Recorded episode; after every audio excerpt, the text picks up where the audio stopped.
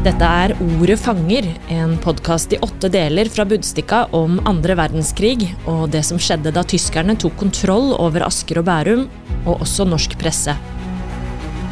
For det ble en tøff tid for Budstikka-redaktør Johs Løken, som fortsatte å utgi avisen selv om nazistene kom med detaljerte instrukser for hva som var tillatt å publisere og ikke. Du skal også få høre historier om menneskene som sto imot nazistene de som led, og de som overlevde. Historieforteller er Dag Otter Johansen, og dette er åttende og siste episode om avisoppgjøret og straffen Budstikkas redaksjon fikk etter krigen.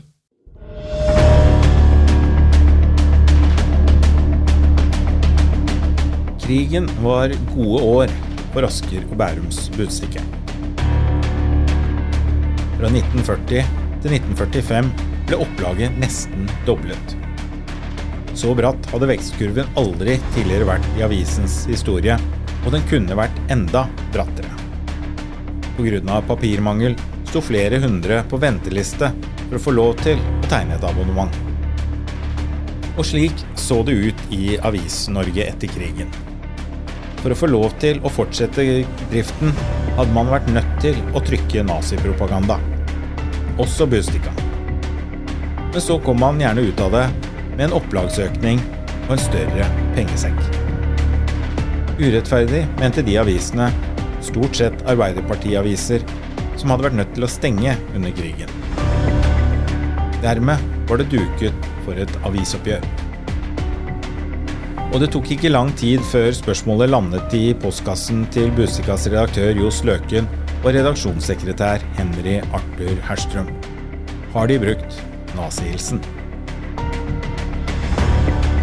Nå måtte Budstikkas redaksjon svare for seg i pressens æresrett, et av mange bransjeinterne oppgjør uten rettskraft, men med mulig drepende effekt på en karriere.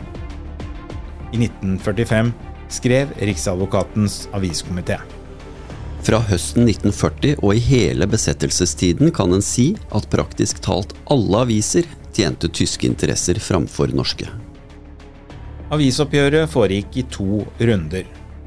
Den første gransket medarbeiderne personlig, og den andre vurderte bedriftenes økonomiske erstatningsansvar. På passbildene som skal være tatt like etter krigen, hadde den normalt fyldige redaktør Løken mistet mye vekt.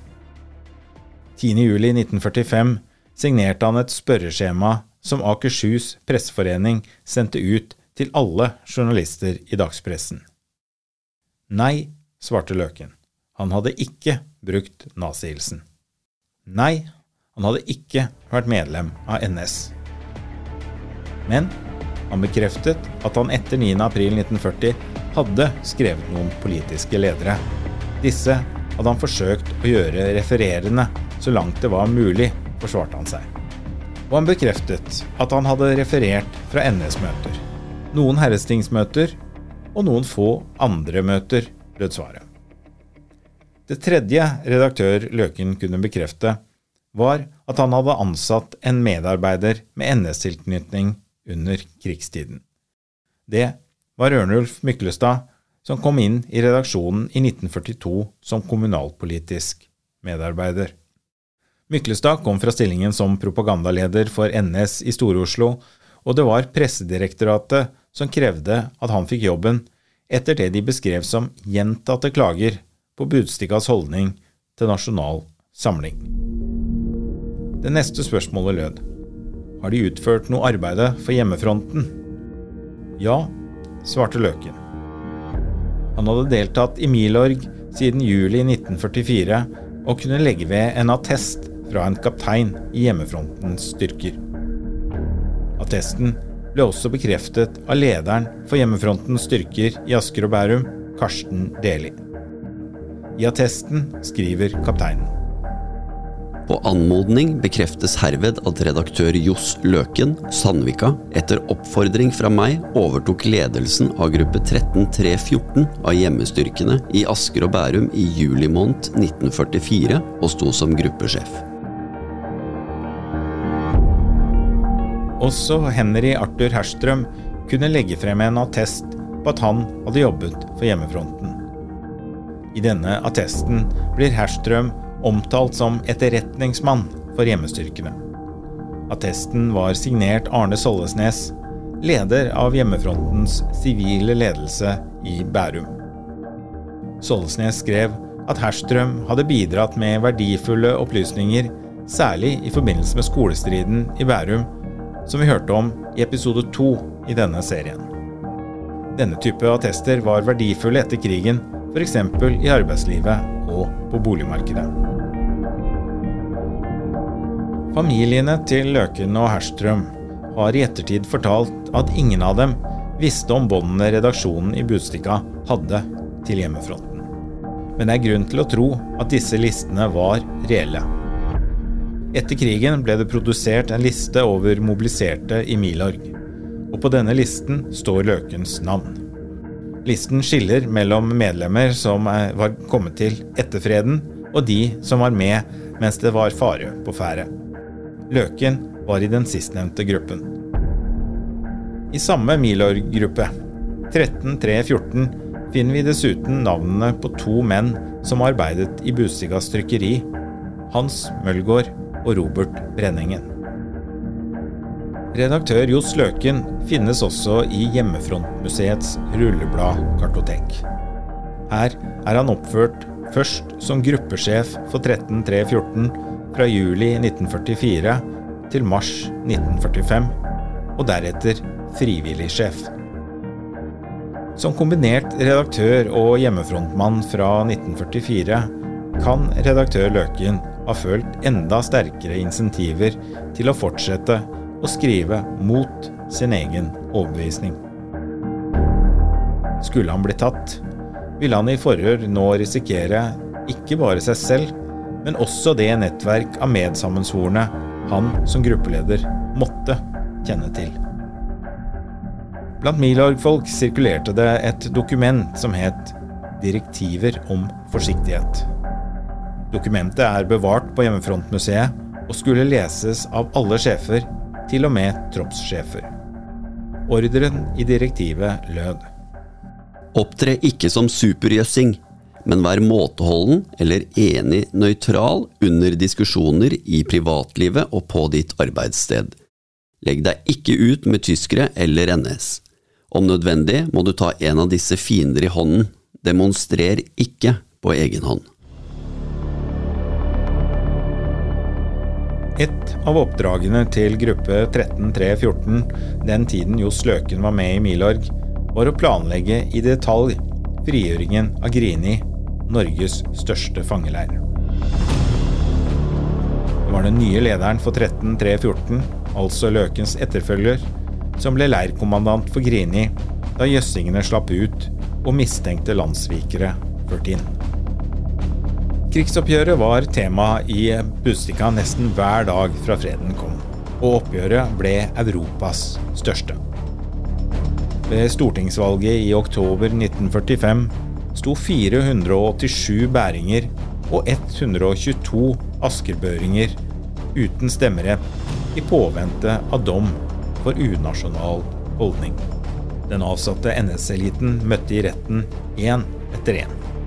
Jeg var dum som en stut, sa en av Askers NS-ordførere, John Snildal. I 1946 var det rådmannen i Bærum, Kars Budde, sin tur til å forsvare seg. Kars Budde påsto i retten at han ikke forsto at Norge var i krig med Tyskland, selv om han i den samme rettssaken påsto at han hadde tyvlyttet til radiosendingene fra London.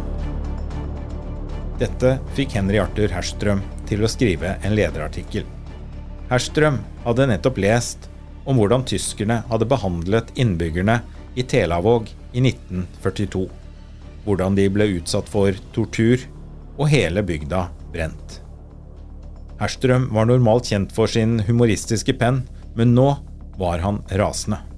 Og det står daglige nazister rundt om som river av seg den samme utenatlærte leksen om at de ikke hadde forstått. De får i dag sin straff, og Gud skal vite at straffen iallfall ikke er for streng. I bakgrunnen kvernet avisenes egne oppgjør.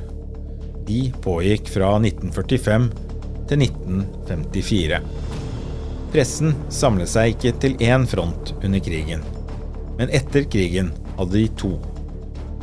På den ene siden hadde du avisutvalget av 1945, de som hadde fortsatt driften under krigen, og på den andre siden arbeidsutvalget for de stansede aviser. Stemningen mellom de to var nærmest hatefull. Da Løken og Herstrøms personlige opptreden kom under lupen, hadde redaktør Løken kanskje ikke samme glede av Milorg-attesten som han hadde håpet. Av styret i Akershus presseforening måtte Løken tåle sterk kritikk da de behandlet Løkens svarskjema. Det er styrets oppfatning at hvis slikt medlemskap skal telle med under ellers like vilkår, bør det snarere stilles større krav til slike pressemenns journalistikk og personlige forhold i krigsårene.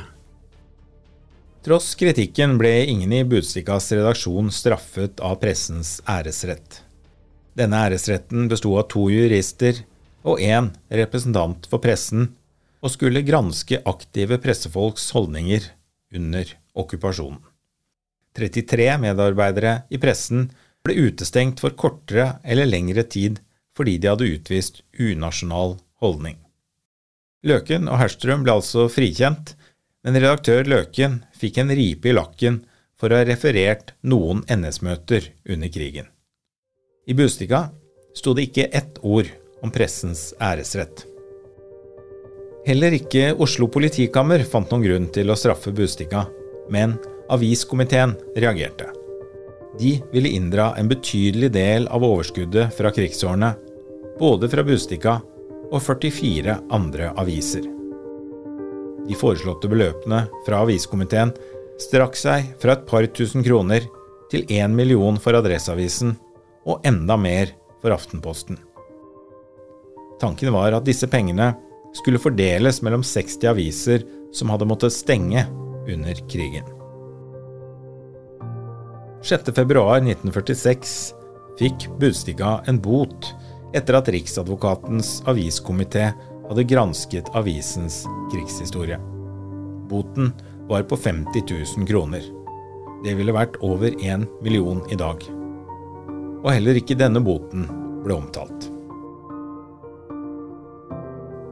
Aviskomiteen drøftet også flere ganger om ikke Budstikka burde ha lagt ned driften særlig da nazistene ansatte Ørnulf Myklestad, propagandalederen i Store-Oslo NS, i redaksjonen.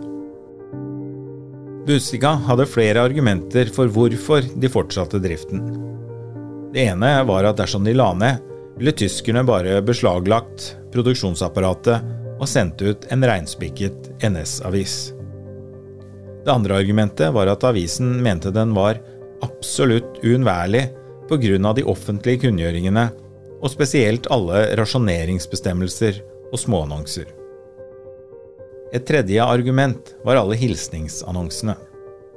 Selv om avisen hadde trykket innhold som redaktør Løken senere omtalte som lite menneskekjærlig, var disse hilsningene hyggelige å lese.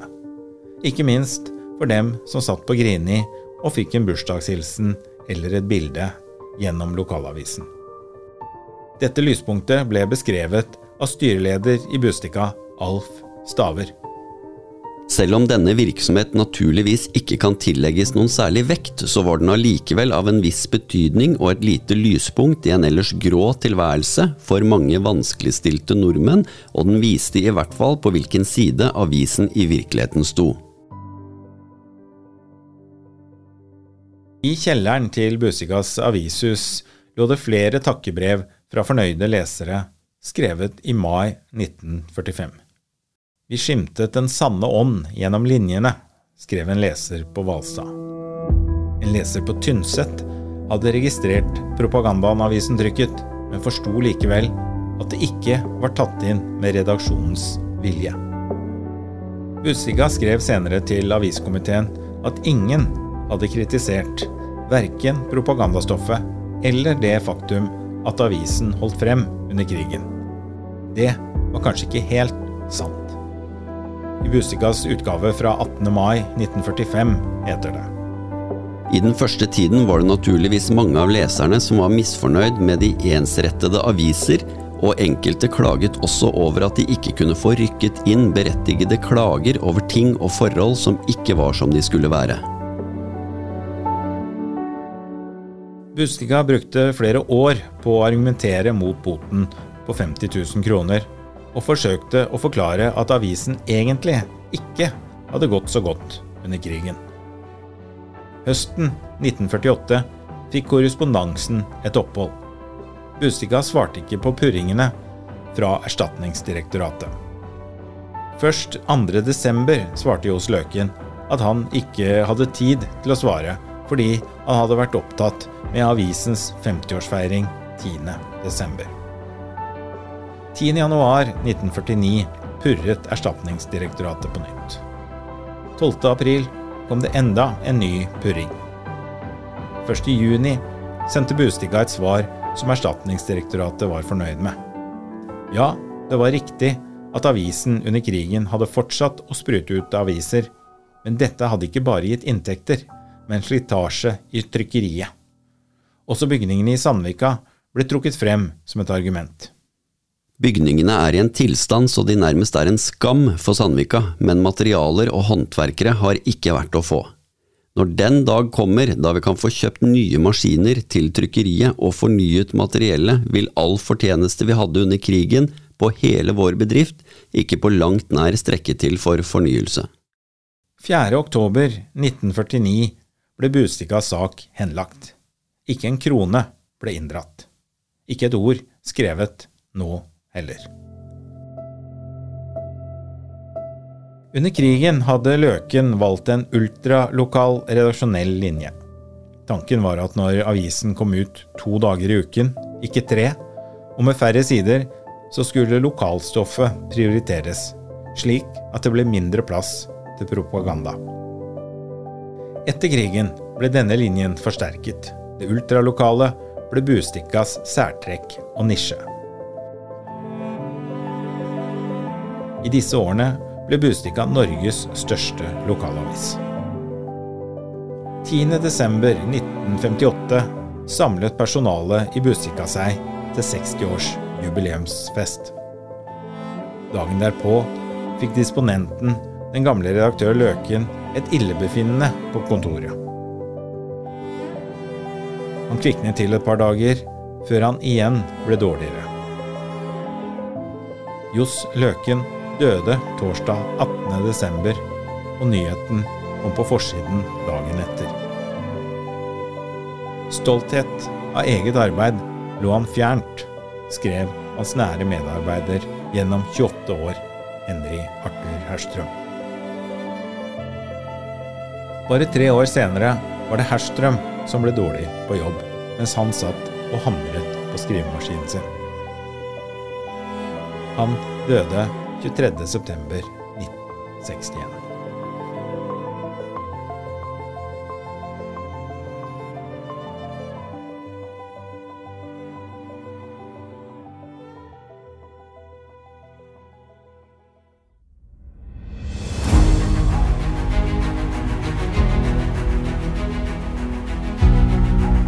Du har hørt åttende og siste episode av Ordet fanger, en podkast om Budstikkas historie under andre verdenskrig. Historiene vi har fortalt i denne podkasten, baserer seg på et magasin som Budstikka utga i 2018. I det arbeidet ble Budstikkas eget avisarkiv brukt, i tillegg til en rekke nasjonale og lokale arkiver og andre skriftlige og muntlige kilder. Tekstene til denne episoden er skrevet av Kine Thorsen og Sissel Wold. De ble bearbeidet og lest av Dag Otter Johansen og Morten Øverby. Produsent er meg, Ingvild Vederhus. Konstituert ansvarlig redaktør er Anniken Renslo Sandvik.